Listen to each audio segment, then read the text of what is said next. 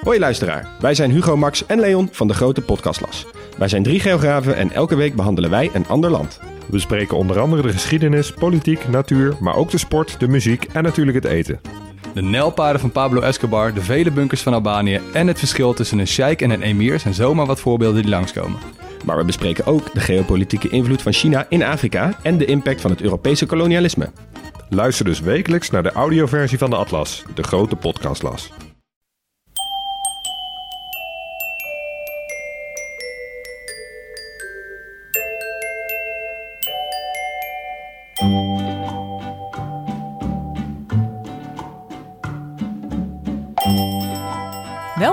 Aflevering 223 van Echt Gebeurd. De podcast waarin waargebeurde verhalen worden verteld door de mensen die ze zelf hebben meegemaakt.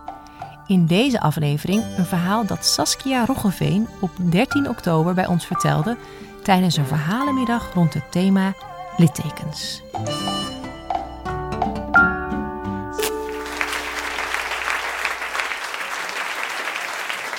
Het is, uh, het is 1985, ik ben 25 jaar en ik heb besloten dat ik naar Alaska wil.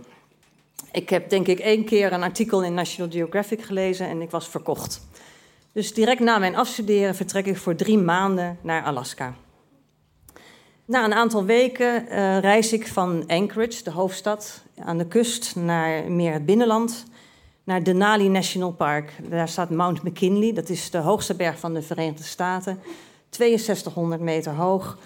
Het was een late lente, er was nog veel sneeuw en ijs. Niet op de grond, zeg maar niet op de, uh, aan de basis, maar wel alle bergen waren besneeuwd.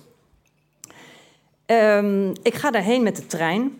En dat is een hele langzame trein, een soort boemel. Je doet er ook acht uur over. Uh, hij stopt bij een paar kleine stationnetjes, maar hij stopt ook als iemand langs de rail staat en zijn arm omhoog steekt, midden in de wildernis. Ik kom aan in uh, Denali National Park. Ik heb onderweg heb ik mijn Lonely Planet goed gelezen. Ik heb gelezen over de, de wilde dieren die daar zijn, de, de elanden, de beren, de wolven. Ik weet wat me te doen staat en um, ik kom daar aan en ik ga wat, uh, de, de, eerste dagen wat dingen ondernemen, waaronder een vlucht om die berg heen, wat fantastisch was, want daardoor kon je heel goed zien uh, ja, dat waar je ook keek, de ene bergtop na de andere bergtop en dat ging maar door uh, bergtoppen, bergen die nog nooit iemand beklommen had of een naam had gegeven. Echt de last frontier. En ik was ook met een, uh, een busreis met een ranger meegegaan door het park. En daar hadden we op een gegeven moment een elandmoeder uh, met haar jong uh, met een grizzlybeer zien vechten. Nou, dat was heel spannend. Dus wij allemaal naar de kant van de bus met camera's. We hadden nog geen mobiele telefoons waar je foto's mee kon nemen. En verrekijkers. En ik logeerde in de jeugdherberg. Je had het treinstation, dan had je een klein landingsbaantje voor die kleine vliegtuigjes waar je vluchten mee kon doen. Je had een hotel, je had een visitorcenter. En dan langs de rails had je een oude treinwagon zonder deuren. Uh, daar stonden uh, stapelbedden in, drie hoog, met allemaal uh, eekhoornkeutels erop. En dan kon je voor 2 dollar per nacht kon je daar slapen. Nou, prima. En er waren nog wat andere mensen daar. En we hadden al snel een soort van ritueel. We gingen s'avonds naar de cafetaria van het hotel. Dan gingen we daar koffie drinken. En dan gingen de twee van ons gingen terug naar de jeugdherberg om vast het kampvuur aan te steken. Want het was dicht bij de Poolcirkel. Het was juni. Het werd niet donker. Dus we zaten daar tot zes uur heerlijk bij het kampvuur te kletsen. Zes uur s ochtends. En op een gegeven moment um, ben ik aan de beurt samen met een van de jongens. En wij lopen naar de jeugdherberg en wij lopen over het spoor. Want er gaat maar twee keer per dag een trein. Eén keer richting het noorden, één keer richting het zuiden. Die trein rijdt heel langzaam, dus mocht er een trein aankomen, dan ben je zo weg. Die, dat spoor is op een beetje een, uh, een verhoging. En rechts daarvan zijn bosjes en bomen en links daarvan zijn bosjes en bomen. En wij lopen daar en uh, we hadden ons goed voorbereid. Er was ons aangeraden als je daar aankomt om een beerbel aan te schaffen. Dus die hadden we. Dus die hadden we vastgebonden aan uh, onze jacks. En we liepen daar met die beerbel zo. En aan het praten en het lachen. En opeens horen we uh, een heel raar geluid. Uit de bosjes rechts. Dus we stoppen. En we kijken elkaar zo aan. Van wat is dat? Een raar gegrom. En eh, we kijken en er komt een grizzlybeer uit die bosjes. Nou, ik weet niet of je een idee hebt hoe groot een grizzlybeer is. Dit was een volwassen grizzlybeer met zo'n enorme uh, spierbundel hier op zijn nek. Hij ging op zijn achterpoten staan. Hij was ongeveer 2,5 meter hoog. Hij bewoog een beetje met zijn hoofd zo, met zijn kop zo heen en weer. En hij begon te brullen. Nou, als er één ding is wat je leert als je daar naartoe gaat, is dat je nooit weg mag rennen voor een beer. Want een beer heeft slecht zicht. Die kan dus niet goed zien wat, wat daar zich afspeelt. Dus alles wat wegrent is prooi. Daar gaat hij achteraan. En een beer kan harder rennen dan de hardste menselijke, snelste menselijke renner. Maar die jongen, die, uh, ja, die had een soort overlevingsinstinct. Dus die begon meteen, uh, die sprintte zo dat taluut af. Probeerde mij nog mee te trekken aan mijn hand. En ik dacht, nee, dat mag niet. Ik moet hier blijven staan en dan moet ik met mijn armen zo gaan zwaaien. en dan moet ik heel rustig gaan praten tegen die beer. Maar ja, die beer, die zag prooi wegrennen. Dus die zette het op een sprintje. En ik stond midden in zijn pad. Nou ja, opzij stappen was natuurlijk geen optie meer. Dus ik denk, nou, dan ga ik ook maar rennen. Dus ik ren ook dat taluut af. Ik struikel en terwijl ik val, uh, ik val op mijn buik en met mijn hoofd in het, uh, met mijn wang in de aarde. En terwijl ik val, zie ik die enorme kop van die beer boven me. En hij heeft me hier in mijn bil geweten. En een winkelhaak achtergelaten. Hij heeft me in mijn rechter dijbeen gebeten en in mijn rechtervoet. Ik had gelukkig uh, hele stevige ouderwetse bergschoenen aan, maar daar ging hij dwars doorheen. Dat maakte allemaal helemaal niks uit. En uh, op het laatst uh, had hij mijn voet in zijn bek en hij, hij, hij schudde zo'n beetje met die bek heen, zoals een hond met een pantoffel kan doen. Zo. En ik gillen, want ja, ik dacht ook, ik ben er geweest, dit is het. Ik gillen. En opeens was die beer weg. En toen hoorde ik de trein aankomen. Dus die, die twee treinen per dag, eentje daarvan kwam net op dat moment langs. En de beer kende dat niet, ging weg.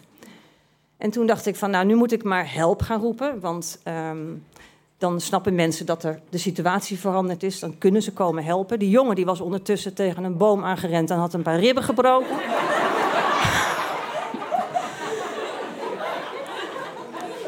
nou, mijn rechtervoet, waar ik dus over, waar ik mee gestruikeld was, die, die zwol op. Dus ik heb nog mijn veters losgemaakt en mijn schoen losgemaakt. Omdat ik gewoon uit die schoen, schoen knalde. En toen uh, zijn de mensen gekomen, die hebben me naar de jeugdherberg gebracht. Dat was nog, nou, weet ik veel, 50 meter daar vandaan. Op een bed gelegd. Ik ben even flauw gevallen. Ik kwam weer bij toen ze mijn spijkerbroek aan het openknippen waren. Ik dacht echt, what the fuck gebeurt hier? Uh, ze hebben me uh, in een aftanse ambulance naar de dichtstbijzijnde medische post gebracht. Dat was een half uur rijden daar vandaan. Nou, daar heb ik allemaal injecties gekregen. Uh, tetanus, antibioticum, verdovend, 40 hechtingen. Um, en vervolgens terug naar dat park. Nou, dat park was, die zag mij een beetje als schuldig, want ik was gaan rennen. Dat het iemand anders eerder was gaan rennen, dat ik geen keuze meer had, dat deed er eigenlijk niet toe.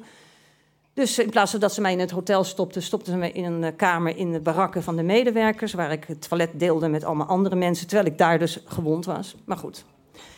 Um, na een paar dagen uh, mocht ik gaan lopen met, op krukken, want uh, ging niet anders. En um, die barakken die waren gescheiden van het hotel door een soort open plaats. En daar moest ik dus overheen om naar dat hotel te komen. En ik had al drie dagen, s'avonds kwamen al die mensen van de jeugdberg, maar overdag gingen zij leuke dingen doen en zat ik daar in mijn eentje. En die Lonely Planet had ik wel gelezen. Dus ik ging op een gegeven moment met die krukken dan toch maar naar het hotel. Maar ik was wel heel bang, want daar kon natuurlijk ook elk moment een beer zijn. Nou, en dan zat ik in dat hotel met mijn benen omhoog en dan kwamen er allemaal mensen naar me toe. En dan zeiden ze van, ben jij soms dat meisje wat door die beer is aangevallen? Want ik had op de voorpagina van de kranten gestaan en dan zei ik in het begin, ja, ja, ja, oh, mag ik op de foto? En na twee dagen zei ik, uh, als ze dat vroegen, zei ik, nee, nee, ik ben uitgegleden in de badkamer. En dan keken ze me echt zo aan van, leugenaar. Maar dan hoefden ze toch niet met me op de foto, gelukkig. Nou, na een week mochten de hechtingen eruit. En toen ben ik verder gereisd door Alaska. Want ik dacht, ik laat me die reis niet afnemen. Hele lieve mensen ontmoet. Echt, gastvrijheid van de Alaskanen is echt onbeschrijfelijk goed. en fijn. En ehm, ik kom terug in Nederland en ik heb nergens last van. Behalve toen er een grote hond uit het bosje sprong. Toen schrok ik wel even heel erg. Maar verder zijn er in Nederland geen beren, dus je hoeft ook nergens bang voor te zijn. Tot een jaar later, toen ik uh, met mijn vriendje in New Mexico aan het kamperen was. En we kwamen op een natuurcamping en daar stond, hing zo'n bordje dat het berengebied was. Dus pas op, berengebied. Nou, oké, okay, teentje opzetten en uh, wij gaan slapen en hij uh, ligt meteen te snurken. En ik lig totaal verstijfd van angst in dat tentje. Ik dacht echt, nou, dit, dit is gewoon te erg. Dus op een gegeven moment ben ik dat tentje uitgerend naar de auto. Ben in de auto gaan zitten en met hartkloppingen zat ik echt zo van... Ik ben veilig. Toen dacht ik, shit, maar mijn vriendje ligt daar nog. Dus ik zag, al, ik zag al een beer aankomen in mijn hoofd... die dan die, dat vriendje uit die tent sleurde en hem op ging eten. En, uh, dus ik, dat, die auto weer uit. Ik aan die tent rukken. Ik zei, nu de auto in. Dus hij, oh, oké. Nou, vanaf dat moment hebben we nooit meer in een tentje geslapen in Berengebied. Ja, en wat ik daar nu aan overgehouden heb, is ja, uiteraard negen littekens heb ik. Ik heb een uh, diep ontzag voor echte natuur, want in Nederland kennen we eigenlijk geen echte natuur. Echte wildernis, echte wilde dieren, onvoorspelbaar. En, uh, en ik heb ook een diep gevoel overgehouden van, maakt niet uit hoe klein het risico is, het kan echt gebeuren. Dank je. Dat was het verhaal van Saskia Roggeveen. Saskia is manager marketing bij het Concertgebouw in Amsterdam en daarnaast is ze altijd blijven reizen. Wil je ook een keer vertellen bij Echt Gebeurd? Kijk dan op onze website www.echtgebeurd.net. Want daar vind je alle data en thema's van de verhalenmiddagen in dit seizoen. De redactie van Echt Gebeurd bestaat uit Paulien Cornelissen, Miga Wertheim, Maarten Westerveen en mijzelf, Rosa van Toledo. De productie is in handen van Eva Zwaving en de zaaltechniek in Toemler deed Jasper van Oorschot. De podcast wordt gemaakt door Gijsbert van den Wal. Dit was aflevering 223. Bedankt voor het luisteren en onthoud. Ga je op pad in de wildernis en er zijn wilde dieren, vergeet die berenbel of harpoen, maar neem je spoorboekje mee. Het kan zomaar je laatste redding zijn.